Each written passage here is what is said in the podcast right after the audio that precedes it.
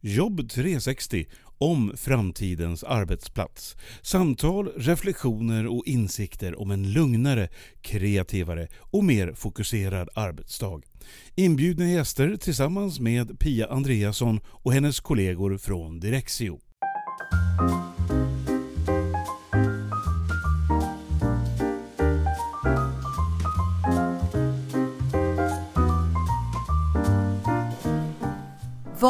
Det som alla ledare och chefer behöver fånga upp nu 2022, några månader efter att pandemirestriktionerna har släppt?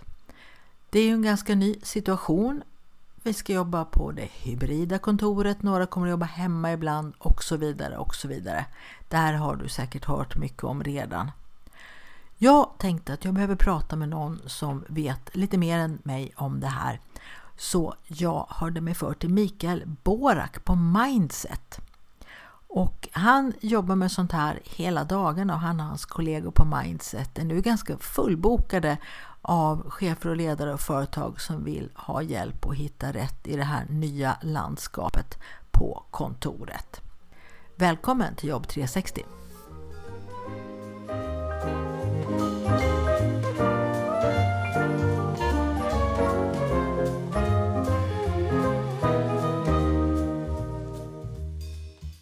Då säger jag välkommen till podden Mikael Borak från Mindset. Och Mikael, vem är du och vad gör du på Mindset och vad gör Mindset för något? Hej Pia, eh, tack.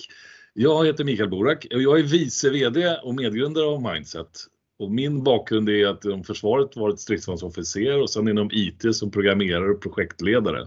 Och på Mindset just så ansvarar jag för vår affärsutveckling och våra strategiska partnerskap. Och de senaste tio åren har jag ägnat helhjärtat åt evidensbaserade arbetsmetoder för ett modernt inkluderande ledarskap. Och det är det vi gör på Mindset. Vi utvecklar högpresterande ledare med värme och skärpa. Så att eh, det ökar verksamhetens förmåga att realisera sin strategi. Och här skiljer vi oss kanske liksom mot de som riktar sig enbart att utveckla individuella chefer till att utveckla ett organisatoriskt ledarskap. Hur blir vi vår organisation starkare och bättre genom våra ledare? ni hjälper dem alltså att sätta någon typ av mall kring hur ska ledare funka i just vår organisation? Allt ledarskap sker i en kontext och kontexten kan ju variera lite som vi ska prata om idag att det finns en digital kontext.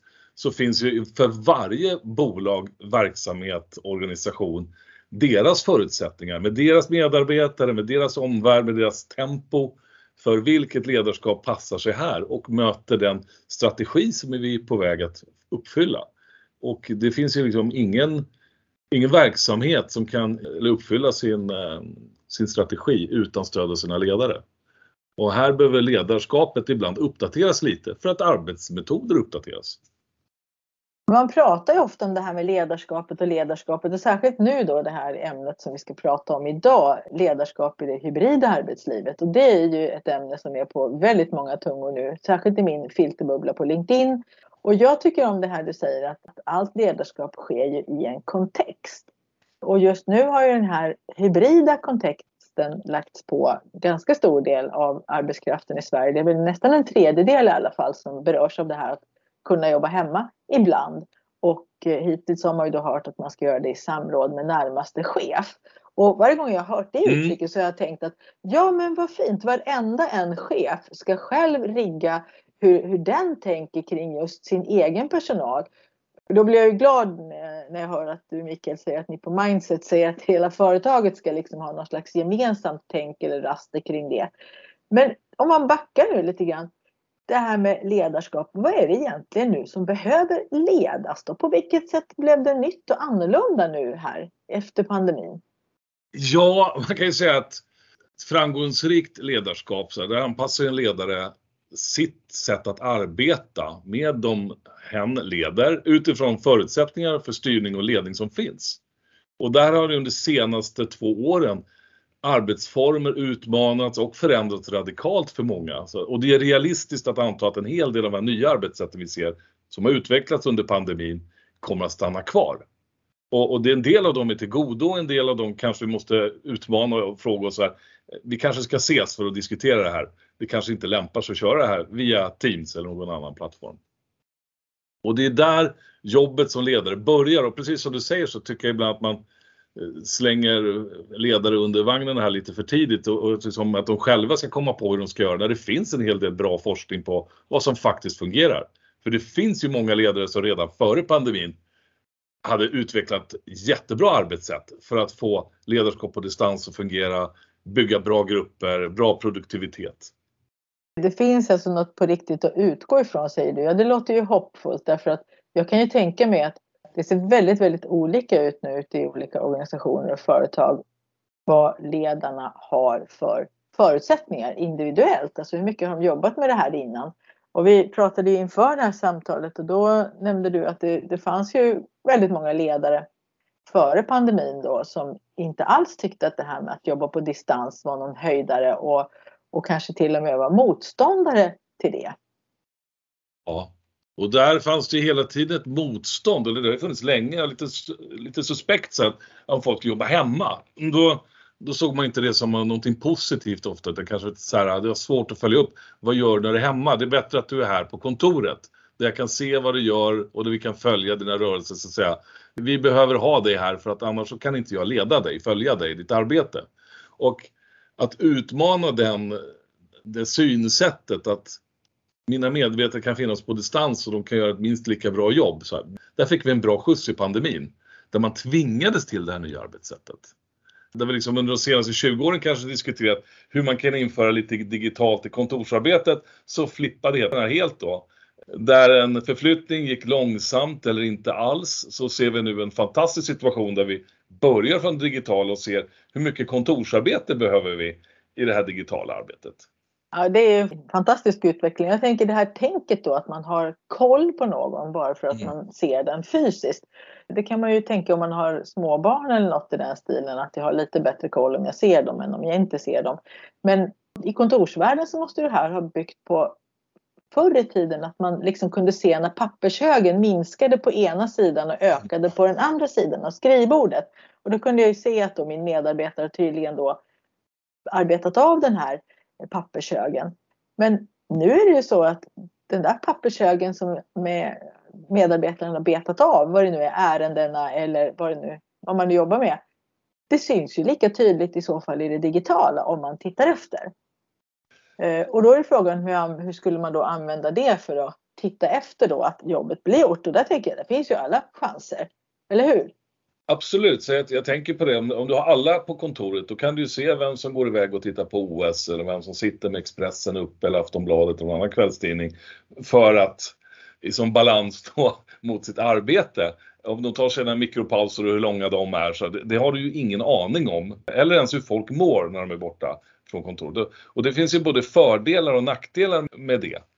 Man kan ju se, dels se på produktivitet som du säger, det är en av mina första och största invändningar egentligen mot all dialog vi har liksom kopplat till ledarskapet här. Att både ledare och medarbetare har ju en uppgift att göra någon typ av produktion.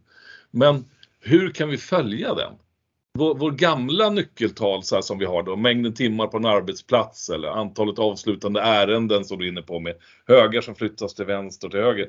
Det kommer ju behöva ersättas med en förståelse för värdekedjor. Resonemang om vilka aktiviteter skapar värde. Så här, utifrån värdet vi vill skapa, vilka är nödvändiga? Var behöver vi vara? Hur vet vi att vi lyckas? Och, så här, och det man mäter blir man ju bra på. Jag har ju följt eh, organisationer som har hittat på uppgifter som man sedan har löst för att visa på sin produktivitet. Eller tyckte liksom, jag går tillbaka och städar mitt skrivbord eller rensar i gammal kod så är det också produktivt. Så här. Och ja, på en nivå, ja, men kanske inte det som tillför affären och kärnverksamheten ett värde. Så...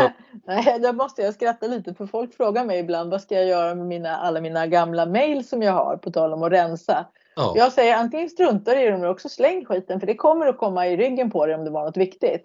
Och då brukar människor skratta lite grann men samtidigt inse att ja, rensa är en bra sak men är det produktivt? Ja, kanske inte. Nej precis liksom. och det, det, det är väl det här, dels måttet på produktivitet så här, är det och det, det är vi tillbaks på det här. Vi styr ofta på, på tid hur lång tid jobbar du? Och tittar man på effektivitet kopplat till tid har ekonomerna räknat ut att vi är 13% mer effektiva därför att vi lägger ju den tiden som vi satt att eh, pendla fram och tillbaka på arbete istället. Jag tror att en del av den tiden går åt en tvättstuga eller gå ut med en hund eller hämta barn på dagis eller vad kan man också där i. Och det gör att arbetsdagen sträcks ut och helt plötsligt så blir den liksom lite mindre tydlig än den var innan. Där jag kunde komma och gå till mitt kontor eller koppla på av en telefon. Nu är det mycket upp till mig att säga nu är dagen slut eller nu börjar den. Om man nu pratar om måttet på produktivitet, hur kan man Oj. tänka kring det då? Vad är det som man ska kika på när man mäter? Du pratar om värdekedjor och, och sådana saker. Jag tror det är hela grunden för produktivitetsmåttet. Så här, vad, vad, är det vi ska åstadkomma när vi är här? Man kan både titta på ett slutresultat, till exempel vi ska bygga de säkraste lastbilarna i världen eller vad man vill ha. Så, så det kan vara lite långt bort. Men om man går då närmare, så här, vad jobbar vi med varje dag? Och, eller varje vecka? Hur kan vi se att vi gör rätt saker? Det här är ju inte bara något från någon verksamhetsledning eller någon ekonom som ska sitta med sina nyckeltal utan det behöver ju varje medarbetare känna och förstå just nu om jag passar bollen framåt eller till en kollega så är det bättre för då får öka våra chanser att göra mål. Så länge vi har bollen kan vi kontrollera spelet, allt sånt där. Man försöker liksom hitta de mikrosituationer för att påverka makrotal så att säga. Och det här är att förstå sina värdekedjor, sina flöden. Hur bidrar jag till det här? Vad behöver jag vara och när? Varför är det viktigt? Därför att vi är så mycket mer beroende idag av att medarbetare kan bidra. Och det är ett modernt sätt att se på medarbetaren som en källa till kunskap, kompetens, erfarenhet som vi kan använda i vår verksamhet. Men också när man har folk på distans, en nödvändighet därför du måste ju lita på att de gör ett bra jobb där ute. Och då måste, också, då måste de också veta hur jag gör ett bra jobb. Så att det här går åt alla håll, att ha en förståelse för verksamheten och flödena i verksamheten och varför vi gör olika saker. Det behöver ägas av många fler än tidigare, om man ska ha fungerande arbetssätt. Och här behöver man då koppla på vilka nyckeltal eller hur ser man att det här händer? Och där kommer man ju fram till en dialog med sina medarbetare. Hur vet vi det här? Vad är våra feedbackkällor? Så att för att eh, det hybrida ledarskapet ska fungera så behöver man ha mera av ledarskap hos, hos var och en person egentligen. Mer av förståelse och mer av självledarskap brukar det heta hos var och ja. en medarbetare. Precis, ett starkare mm. medarbetarskap. Därför att kraven på mig som medarbetare har ju ökat jättemycket. Alltså inhämta information jag behöver, dela med mig till de som behöver den, koll på min arbetsbelastning och så vidare här. Och att utveckla det för mig själv och att det som funkar för min kollega kanske inte funkar för mig. Jag kanske måste vara på kontoret tre dagar i veckan för att få det att funka för mig. Min kollega vill inte vara där alls. Så här, det finns liksom en grund där som behöver utvecklas lite mer och utforskas lite mer än vad vi har gjort hittills. Lisa Arnberg på Jeps som var med och pratade i podden här tidigare. Hon berättade ju också det att var en medarbetare behöver tydligt se vad, vad är det jag bidrar med till organisationen. Det är inte bara jag, mig och mitt utan där kan man ju säga att man behöver ha hjälp av sin närmaste chef för att verkligen se och förstå på vilket sätt man bidrar. Jag är lite inne på det här med bidrar. Också att chefen behöver få mig att förstå på vilket sätt bidrar jag med min fysiska kropp på en viss adress. Och där kommer jag in lite grann på vad, vad är det då som fungerar bättre när vi träffas fysiskt och vad är det som kan fungera bra på digitalt också då på avstånd och på olika platser. Vad skulle du säga, vad är det som är mest optimalt att ha fysiskt på plats? Man kan göra det som vi ofta använder i ledarskapet, liksom, när man pratar om relationer, hur man beskriver den om man skulle träffa någon, någon ny person som man ska utveckla en relation med distansförhållande fungerar sådär, det vill säga skriva mail till varandra eller ha teamsmöten och sånt där. Det är ju ett sätt så att säga. Men när vi ses, då är de här relationsbanden stärks ju så mycket mer. Och det är av flera anledningar. Så här. Men vi är ju programmerade att, som människor, att ta till oss mer av de vi träffar och möter. Och kunna ta in kroppsspråk och små, små antydningar som en gäspning eller ett, en blick åt något håll eller hur man andas. Så att säga. Det, det kommer också in i den röran så att säga av intryck som vi får till oss och som ofta de här digitala medierna förhindrar. Och det som är förstås svårast att få till, inte bara så här one-on-one som vi har nu och pratar, vi kan turas om, det är ju när det är fler i en grupp. och någon vill ha ordet eller någon får först ska säga någonting men tar tillbaks ordet så här, innan de har sagt någonting. Hur ser man det i ett digitalt möte? Otroligt svårt att uppfatta.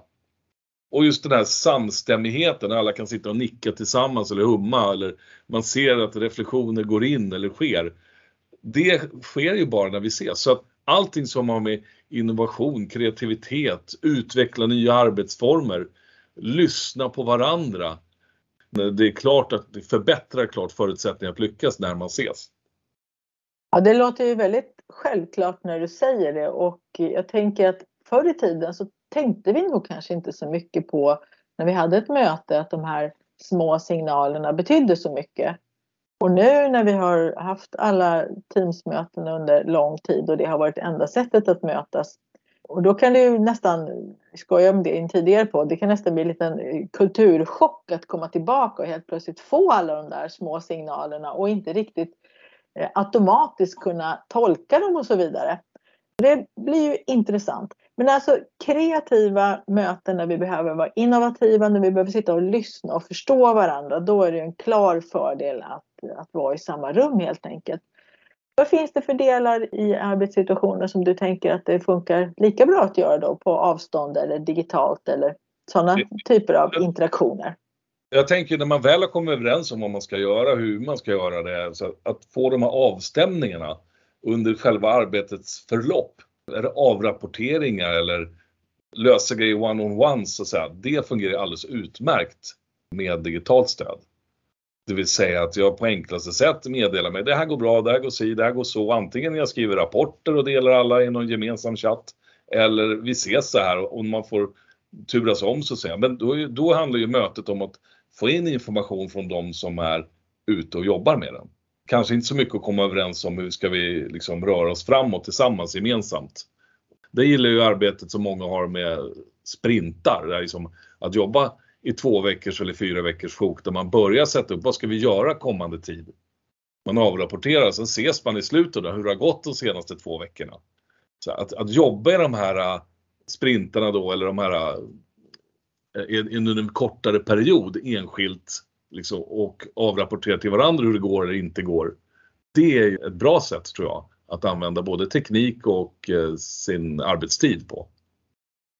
Så en sak vi kan konstatera det är att när man är chef eller ledare har ett team att man får identifiera de delar och de tidpunkter i jobbet där man behöver vara kreativ, innovativ och kunna sitta och lyssna på varandras idéer och bolla helt enkelt. De delarna måste man identifiera och sen se till att de blir av fysiskt därför att då får vi ut mesta möjliga av varandra. Och sen så får man identifiera när man är i en fas där det liksom är att göra jobbet, att stämma av att det händer som vi hade tänkt skulle hända. Och då kan man vara mera remote och kanske inte måste vara på kontoret i de stunderna. Ja, precis. Alltså, all, allt ledarskap handlar ju om att ge sina medarbetare förutsättningar att lyckas. Och då får vi fundera innan, så alltså, här, vad behöver vi göra gemensamt och enskilt för att få igenom den uppgiften? Då vet jag så att säga vad som ligger på mig som enskild medarbetare eller ledare, så det här måste jag lyckas med personligen. Men jag har också en hel del saker, det här måste jag lyckas med tillsammans med andra. Vad är det för någonting? Var ses vi? När ses vi? Här, och, och, och, att lägga verkligen tid och rätt kärlek vid de mötena. Därför att man kan säga det är som en fyrfältare med det finns kända arbetssätt, det finns nya arbetssätt. Alla nya arbetssätt behöver man lägga lite mer tid på och samverkan kring. Hur sker processer, rutiner, steg? Det finns det som är enkelt och det som är komplext i förhållande till samverkan och relation. Jag är inte beroende av någon annan för att lösa mitt jobb. Det är helt transaktionellt, väldigt enkelt. Jag ska flytta papper från vänster till höger och knacka in dem däremellan. Då kan jag väl lösa det rätt i hög grad själv. Det är känt för mig hur det går till. Men är det komplext, jag kanske måste samverka med andra. Det kanske är så att de har en annan uppfattning än vad jag har om hur det ska lösas. Vem ska döma av den? Här behöver ju en ledare vara närvarande för att styra upp det så att säga och säga då prövar vi den lösningen. Eller vi prövar båda lösningarna. Eller vi utvärderar om en vecka och ser hur det har gått. Och är relationerna dessutom komplexa så att det är eh, folk från utsidan eller det är kunder eller leverantörer inblandade och det finns en känslighet någonstans i det här. Då, då är det ännu svårare så att lösa enskilt själv som en del i ett pussel så att säga. Då riskerar mycket att bara stå still. Och det som vi har sett när vi tittar på de senaste två åren, det är i princip att alla komplexa frågeställningar står still. All form av strategiarbete, all form av hur får vi fart på de här sakerna, hur tänker vi kring den här frågan, det står stilla i mångt och mycket. Och när ledningsgruppen nu börjar komma ihop sig och börjar liksom analysera nuläge, hur ska vi agera utifrån, så sker det nu. Därför det har varit otroligt svårt att få till när ledningsgrupper har varit splittrade. Och det är detsamma med medarbetare som jobbar. Har de en komplex fråga som kräver samordning med flera så kan det vara väldigt svårt att dra det lasset själv. Och ro runt i sin båt liksom och prata med alla på alla brygger. Att bara få in alla i samma möte kan vara svårt. Så att du menar att det som vi har laggat mer nu är just de här komplexa arbetsuppgifterna, både på ledningsnivå men också kanske på individnivå. För att våra hjärnor är gjorda så att om någonting är lite svårt och komplicerat, om jag har en sån uppgift under dagen och så har jag tio stycken sådana här enkla kända arbetsuppgifter, då sitter jag och gör dem först, vilket gör att den löpande verksamheten har kanske rullat ganska bra, det som var känt. Men sen att, att jobba framåtlutat och att komma på nya lösningar på det man gör, där har det stått still. Precis, beroende på hur verksamheten har valt att mäta sin produktivitet då. Om man vill se det som ett sätt att komma framåt eller inte. För har du hela tiden så här, om du har gjort 10 enheter varje dag, det är det du ska göra, då gör du ju givetvis några av de enkla också. Så du kan få lite, lite poäng på den här skalan. Bocka, sätta bock i rutan på ett enkelt sätt. Lågt hängande frukter där liksom. Ja. Och då, så lämnar vi de som är lite svårare där borta om att ta tid då för det här, men också gemensamt ta tid. När jag kanske är mogen att diskutera något, kanske någon annan inte är det och så vidare. Alltså att bara samordna oss i tid och rum är mer komplext när vi är distribuerade, när vi är ute så att säga. Och det är ju här en, någon form av ledaransvar och verksamhetsansvar måste komma in, som du är inne med det här. Vad är vi satta att göra? Vad behöver vi för att kunna lyckas med det här? Och nej, du kan inte jobba hemma hela tiden.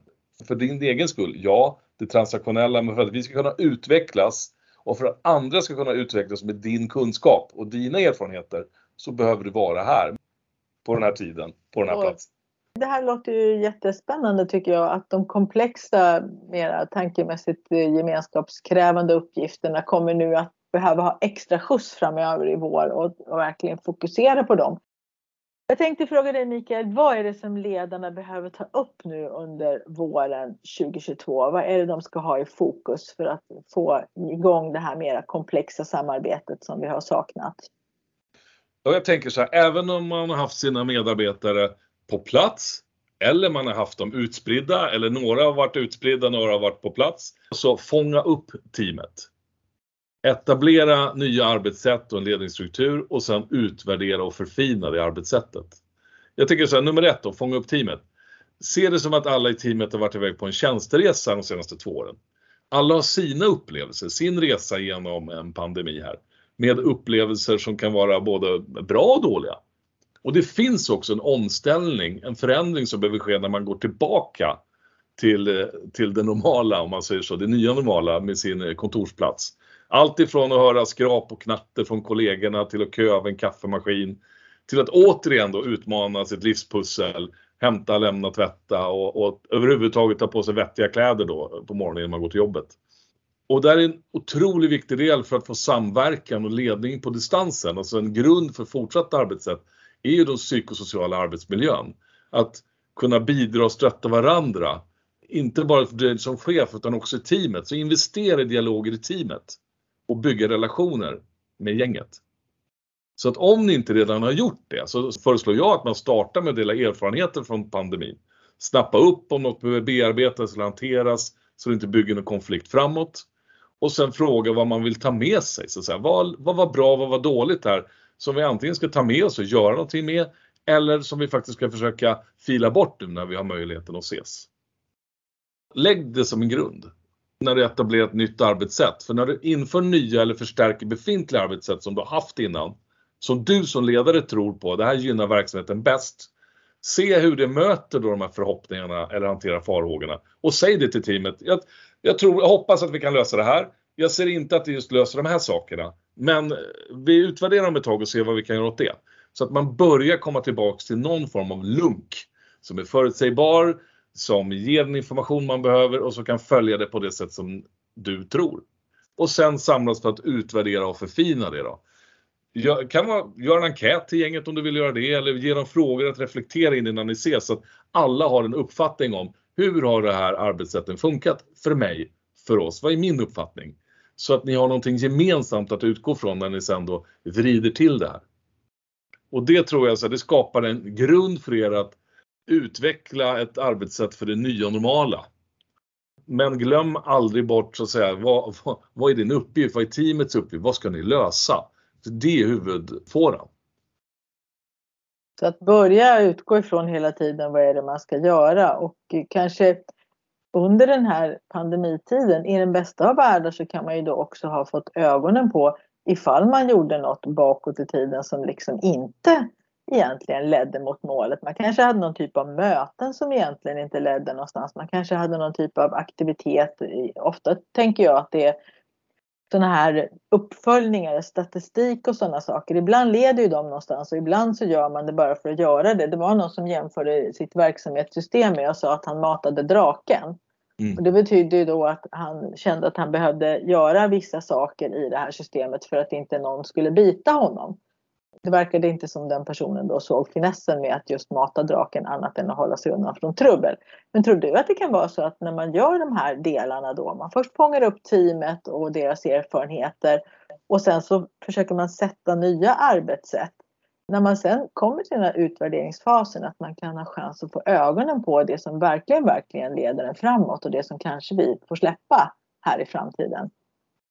Absolut. Jag tror liksom att den som bäst hanterar sitt nuläge och förbereder sig för framtiden har ju ett försprång. Så är det alltid. Så är det nu. Och där tänker jag att det är ledarskapet som, från var och en av er som leder som etablerar och driver de önskade arbetssätt ni vill se. Där tekniska lösningar och sånt, det är ju möjliggörare. Det är genom ert ledarskap som framgången skapas. Det vill säga, vad tillåter vi göra? Vad måste vi få på plats? Vad vill vi se mer av? Vad vill vi se mindre av? Det är den medvetenheten som kommer ta oss framåt. Sen är det här mata drakarna, jag tror att här behöver man kanske från verksamhetens sida se vad är det, hur mäter vi egentligen framgång? Hur mäter vi vår progress? Och om det är antal timmar som personer i byggnader, då tror jag att man får utvärdera det. Och säga det måste finnas ett bättre sätt att visa hur framgångsrika vi är. Den tyckte jag var riktigt bra. Sen tycker jag också om det här du säger att tekniska funktioner är ju möjliggörare. Och där har jag hört lite olika, eh, just när det gäller tekniken. För att eh, du sa förut när vi pratades vid inför det här samtalet att förr i tiden så var, kunde det vara så att man var motståndare till de här tekniska lösningarna. Man tyckte det var lite bökigt helt enkelt. Man föredrog att jobba analogt och på olika sätt. Mm. Och nu har vi ju alla då fått eh, varit tvungna att jobba mer digitalt än vad vi gjorde innan. De allra, allra flesta som har kontorsarbete och så, eller kunskapsarbete, vad man nu brukar kalla det, de 30 procent som tillbringade mycket tid på kontor förut har ju blivit tvungna att jobba mera med de tekniska redskapen. Och där, jag jobbar ju mycket med offentlig sektor och där ser man att det finns en teknikskuld, alltså att man upplever att antingen att man har teknik som man inte använder fullt ut eller som mycket i offentlig sektor nu att man kanske har teknik som man kanske inte ens får använda fullt ut. Och sen också att de, den teknik man har kan man ju upptäcka att den är gammal, att den skulle ha bytts ut kanske för 5-10 år sedan. Så det här med teknikskulden nu när vi går in i det här hybrida arbetslivet, hur tänker du kring den? Jag tänker att man ska bygga den teknik som främjar ens processer och arbetssätt och det gäller väl att komma fram till dem först. Så man inte först bygger en lösning som stöttar, så här jobbade vi jobbade helt digitalt under covid. Vilket är en situation till den nya situation där vi jobbar så här, här jobbar vi digitalt med det som lämpar sig för verksamheten. Och, och då är det just de här, oftast är det kärnprocesser eller subprocesser eller kärnprocesser som måste digitaliseras och göras tillgängligt. Och, och det där håller jag helt med liksom. Det finns ju vissa organisationer som inte gör systemen så öppna eller liksom, för det är krångligt. Eller kanske så, det är olagligt att göra det. Så att nästan beskriver viss verksamhet som stat och kommun ägnar sig åt. de här uppgifterna ska inte gå utanför någonstans, ska inte kunna hackas eller så här. Och då har, man, då har man bara möjlighet att jobba från kontor. Men då vet man det också. Varför är jag här? Varför innanför brandväggen och varför jobbar jag med det här? Då har det också ett syfte. Och vad kan jag göra när jag är utanför? För det finns ju allt möjligt. Jag pratade med riksdagsledamot som måste åka in för att votera till exempel. För det, det får man ju inte göra digitalt ifrån. Så då måste man sitta i kammaren eller på sitt rum och trycka ja och nej. Och det här är ju också saker som kan behöva uppgraderas. Men också med stor säkerhet. Då. Så att eh, vi har väl inte sett slutet på digitaliseringen tror jag. Nej, verkligen inte. Och det hoppas jag inte därför att som jag ser det så ger tekniken otroliga möjligheter. När jag utbildar så hjälper jag människor att upptäcka den teknik som de redan har idag och hur den kan stötta dem i deras egen vardag helt enkelt, i deras dagliga arbete. Och det blir ju alltid otroligt många aha-upplevelser. Så jag hoppas ju att medarbetare mer och mer ska få upp ögonen för de här tekniska redskapen som de redan har. Och att det i sin tur då ska väcka tankar på vad kan vi göra mer med de här tekniska lösningarna? På vilket sätt kan man få ännu mera hjälp och stöttning? Och framförallt då hur kan man samarbeta mer när man har de här tekniska förutsättningarna? Och då tänker jag att det sättet att tänka är ju oavsett vad man har för tekniska förutsättningar så kan man ha ett tänk som hjälper en att utnyttja det så mycket som möjligt. Så det tycker jag är superviktigt och där är vi inne på det här som du pratade om förut då, med medarbetarskap. Att man var en person liksom ska tänka efter. Hur kan jag jobba på bästa sättet med de här förutsättningarna jag har givet att vi har ett mål med verksamheten också. Det behöver man ju ha. Det har du sagt flera gånger redan så jag kanske inte behöver upprepa. Sen finns det ju en annan skuld också. Teknikskulden är ju kanske mera den går ju att se liksom. Man vet ju om man har ett gammalt system. Jag har, eh, jag har ju en iPad nu som har tjänat mig väl här ganska länge kan jag säga, i 8-9 år. Nu helt plötsligt så kan jag inte uppgradera den längre för, för den hade inte tillräckligt mycket utrymme på sig från början. Nu behövs det mera kräm helt enkelt. Och jag tycker det är ju lite tråkigt. Men samtidigt så är det ju väldigt lätt för mig att förstå. Vad är det som nu har hänt med den här gamla tekniken och varför räcker den inte till? Men en sak som kan vara svårare att förstå det är ju det här du kallar det för ledarskapsskuld. Alltså att man bakåt i tiden kanske inte har fokuserat på det som behövs väldigt, väldigt mycket nu när det gäller ledarskapet. Och vilka bitar är det som du tänker på då inför det här hybrida arbetssättet? Vad är det för delar i ledarskapet som man verkligen måste plocka upp? Det är flera, men just den här synen då att man har ett arbetssätt och ledningsformer som inte automatiskt lämpar sig för distansarbete eller självstyrande team. Utan ledarskapet har varit och det är till stor del fortfarande kontorsbundet. Och när vi gick in i Corona så försökte man liksom översätta den kontorsbundna miljön i en digital miljö. Och det, det tror jag är, det är kortsiktigt utan man behöver se, precis som vi var inne på, hitta rätt system och rätt processer som, som vi kan samverka med tekniken för att få det här att fungera. Eh, inte bara liksom, nu har vi samma möte vi hade innan fast det ska vara digitalt en stor del av den här eh, biten som kommer på plats nu så det är ju teknik och attityd för att jobba på distans. Liksom, om vi säger att ledarens främsta uppgift är att genom ett gott ledarskap skapa förutsättningar för andra att lyckas. Vi tar det som en bas. Då är det så här, vad är då framgångsrik ledning här?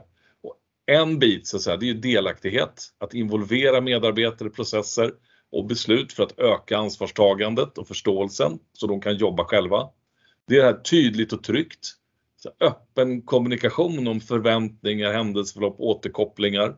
Kunna ge rätt information vid rätt tillfälle. Vem är det som säger om jag gör ett bra jobb eller inte?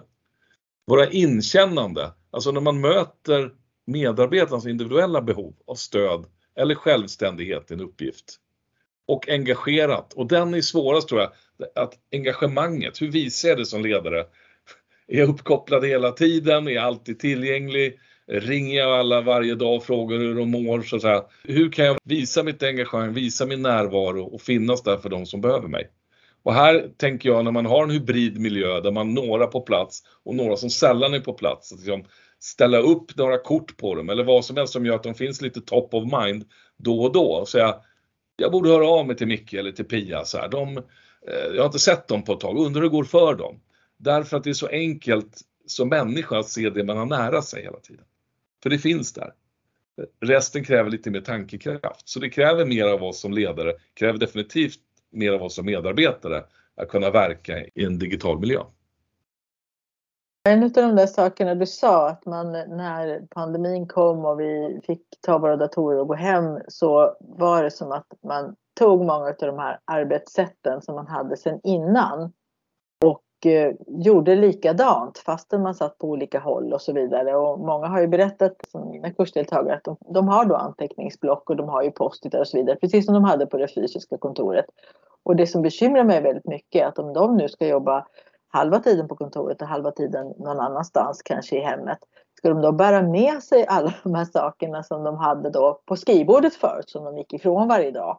Nu har de ju två platser eller kanske till och med tre. Jag ser mm. framför mig hur rullväskornas antal kommer att öka då på tunnelbanan och bussar liksom för alla släppa med sig sina anteckningsblock. Och där kanske bildligt talat också, men hur kunna använda den här digitala tekniken. Du säger det, möten till exempel, att man samlar folk för ett två timmars möte och så gör man precis likadant som man gjorde när man hade dem i samma rum. Och där tror jag att det blir den stora utmaningen att verkligen nu när man har möjlighet till både och att leta efter fördelarna med, med det fysiska som vi var inne på, men också fördelarna med det digitala. Mm. Och där kanske vi är inne lite grann på det här med enkla och kända arbetsuppgifter och komplexa och okända. Mm. Absolut. Jag tänker liksom att alltså medarbetare har ju olika, vi pratade om med rullväskan, intressant sen, för att eh, med, olika medarbetare har ju olika behov av en struktur omkring sig. Och det är helt naturligt. Så här. Det här gjorde man studier på redan före corona med de som har transaktionella jobb. De gjorde, Stanford gjorde en undersökning på 4000 medarbetare. Hälften av dem funkar inte alls på distans. Hälften av dem tyckte det var mycket bättre. Och det är ju helt mänskligt att några behöver en högre grad av struktur omkring sig. De behöver ha en plats som kan dyka upp och behöver veta så hur funkar det här. Ah, 18 är lunch nu, bra, jag hänger på. För annars fastnar de i sitt arbete och det blir ingen lunch för dem, till exempel. De kanske behöver överhöra samtal som är så här vänta nu vad pratar ni om så här? För att komma in i den diskussionen och förstå, aha, är det någonting som händer på fredag? Är det någonting som händer till sommaren? Ska semesterlistorna in nu? Det har jag missat. De här bitarna får man sån hjälp med i en kontorsmiljö. Och det får man inte på distans utan då, är, då får man själv hålla sig uppdaterad och skapa liksom den, den virtuellt i sitt huvud. Så här, hur saker och ting funkar. Och vi funtade på olika sätt. För vissa personer är det, så här är det. Och de har andra begränsningar i sin flexibilitet kanske. Så här. Och för andra så är det, jag är beroende av det sociala liksom, utbytet med mina kollegor och få den här kontexten runt omkring mig och uh, ha mina post-its framför mig för det är min typ att få koll på läget där. Väldigt taktil i mitt arbetssätt. Trivs inte av att trycka in det här i olika, liksom, kom ihåg, påminnelser i burken. För då försvinner de. Så det är också någonting som ledarna behöver tänka på i framtiden. Att, och också kanske en faktor som man inte fick syn på förut. Att människor som vill vara på kontoret, de fick de här delarna som du berättar till sig utan att cheferna egentligen behövde tänka på det och se på det. Det bara funkade. Och eh, de personer som jobbade väldigt självständigt och klarade sig och som kanske trivs jättebra att jobba på distans, de kan behöva komma tillbaka till kontoret för att förstå att jag behövs för att teamet ska funka. För min egen del skulle jag kunna sitta hemma och göra allting och ha möten digitalt och så vidare. Men för att vi alla ska funka tillsammans så behöver jag åka dit till den adressen och vara där med min kropp. Och kanske en kollega råkar höra något jag säger utan att jag ens märker det, men det stöttar den kollegan. Precis så. Jag tror verkligen på det här att man kan inte bara utgå från sig själv som medarbetare och se vad som är bäst för mig. Och som ledare inse att det finns inte bara ett sätt att lösa en arbetsuppgift på, det finns flera. Och hur kan jag stötta alla här i att få det här att fungera? Och vad mäktar jag med så att säga, med mitt ledningssystem? För det kanske inte är så att jag vill informera alla en gång i taget. Så här, det tar mig åtta timmar. Det är bättre att samla dem och köra en information en gång på en timme. Det handlar om effektivitet på olika nivåer. Så det låter som att ledarna har en hel del nu framför sig att eh, byta tag i på alla möjliga olika nivåer. Det kan ju vara bra, det tycker förstås du Mikael på Mindset, att man tar någon professionell människa och håller i handen under den här våren för att inte behöva ta allt för lång tid på sig och uppfinna det här nya hjulet.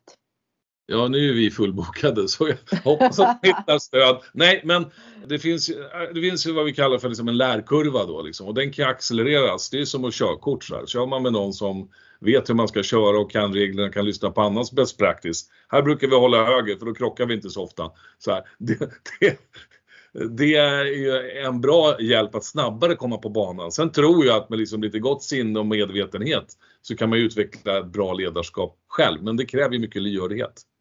Men med det sagt då, så det finns ju de som har lyckats med det här alldeles utmärkt redan före Corona och hade sådana arbetssätt på plats.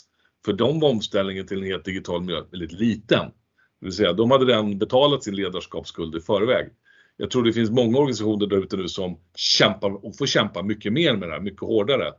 Och det, det tror jag att där kan vi göra en skillnad att titta på ett ledarskap organisatoriskt. Hur ska det funka hos er? Hur vill ni att det ska funka? Och sen får man söka de medarbetare som passar då i den miljön man har skapat. Jag har ju många röster och framförallt i USA är det stort med att byta jobb här. Men det är ju så i Sverige också att många söker sig ifrån och söker sig till. Så hur bygger vi en bra kultur och bra samverkan? Det gör man tillsammans på något vis. Det är väldigt svårt att, att göra det på distans. Så det du nyss beskrev, det säger mig att det kan till och med vara en väldigt, väldigt fördel om man ska rekrytera nya medarbetare att ha den här riggen klar. Alltså så här samarbetar vi, så här gör vi i den här nya verkligheten som vi befinner oss i. Jag tänker så. Det, det finns en del som säger att ja, vi kan jobba helt på distans här. Ja, nackdelen med att ha medarbetare helt på distans, det är också att de kan vara helt på distans till någon annan. Alltså anknytningen till bolaget, verksamheten, kollegorna är väldigt liten. Och vi vet att det är det som bygger lojalitet, trohet, ansvarstagande gentemot sina kollegor, gentemot sitt företag, sitt varumärke, liksom, vad, vad syftet är med organisationen. Så att isolera medarbetare så här, för att de själva vill det eller för att man tycker att det är ett smidigt sätt. Det är lite grann som att ha liksom konsulter där ute som jobbar mm. av till. Och då får man, man får fundera på det helt enkelt. Är det den typen av ledningsstruktur och verksamhetsstruktur vi vill ha? Man får tänka sig för alltså och få alla medarbetare att förstå på vilket sätt bidrar jag. För att jag återigen anknyter till det här att man har barn. Liksom, frågar man dem hur de vill ha det så vill de ha chokladglass till middag varje dag. Och då måste man ju lite som vuxen och chef tänka att ja, det förstår jag att du tycker det är gott. Men vi behöver göra så här för att ditt liv ska funka, för att vårt liv tillsammans ska funka här. Precis, det, lite så är det. Ja, det låter jättebra. Vet du vad Mikael, jag tänker att nu är vår tid ute. Det var ett superintressant samtal här och vi har kommit eh, fram till väldigt mycket bra saker. Jag hoppas vi får tillfälle att pratas vid någon annan gång längre fram i tiden och se hur, hur ledare har landat i det här då efter något år eller så. Men för dagen här nu så säger jag tack till dig. Tack så mycket Pia. Hej!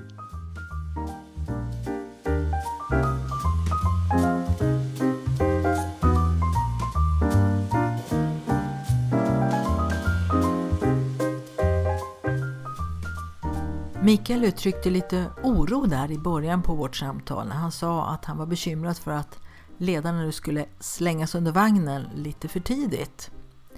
Och med det menar han ju att det är en ny situation nu om man måste förstå det, att inte tro att det ska bara gå att komma tillbaka och att allting ska funka som vanligt. Jag tyckte att han gav tre väldigt goda råd där. Det första var att fånga upp teamet. Vad har egentligen hänt med var och en av dem under pandemin? Hur har de upplevt det? Och reflektera över det tillsammans. Sen nummer två, etablera nya arbetssätt och nya ledningsstrukturer. Hur leder man på distans och vad är det som är viktigt när man är på kontoret? Och nummer tre då, utvärdera och förfina. Att våga göra misstag har vi pratat om förut i podden och att utvärdera det och skruva på sina arbetssätt och inte tro att allting ska börja funka direkt. Så de tre råden tyckte jag var jättebra. Tack för att du lyssnar på Jobb 360.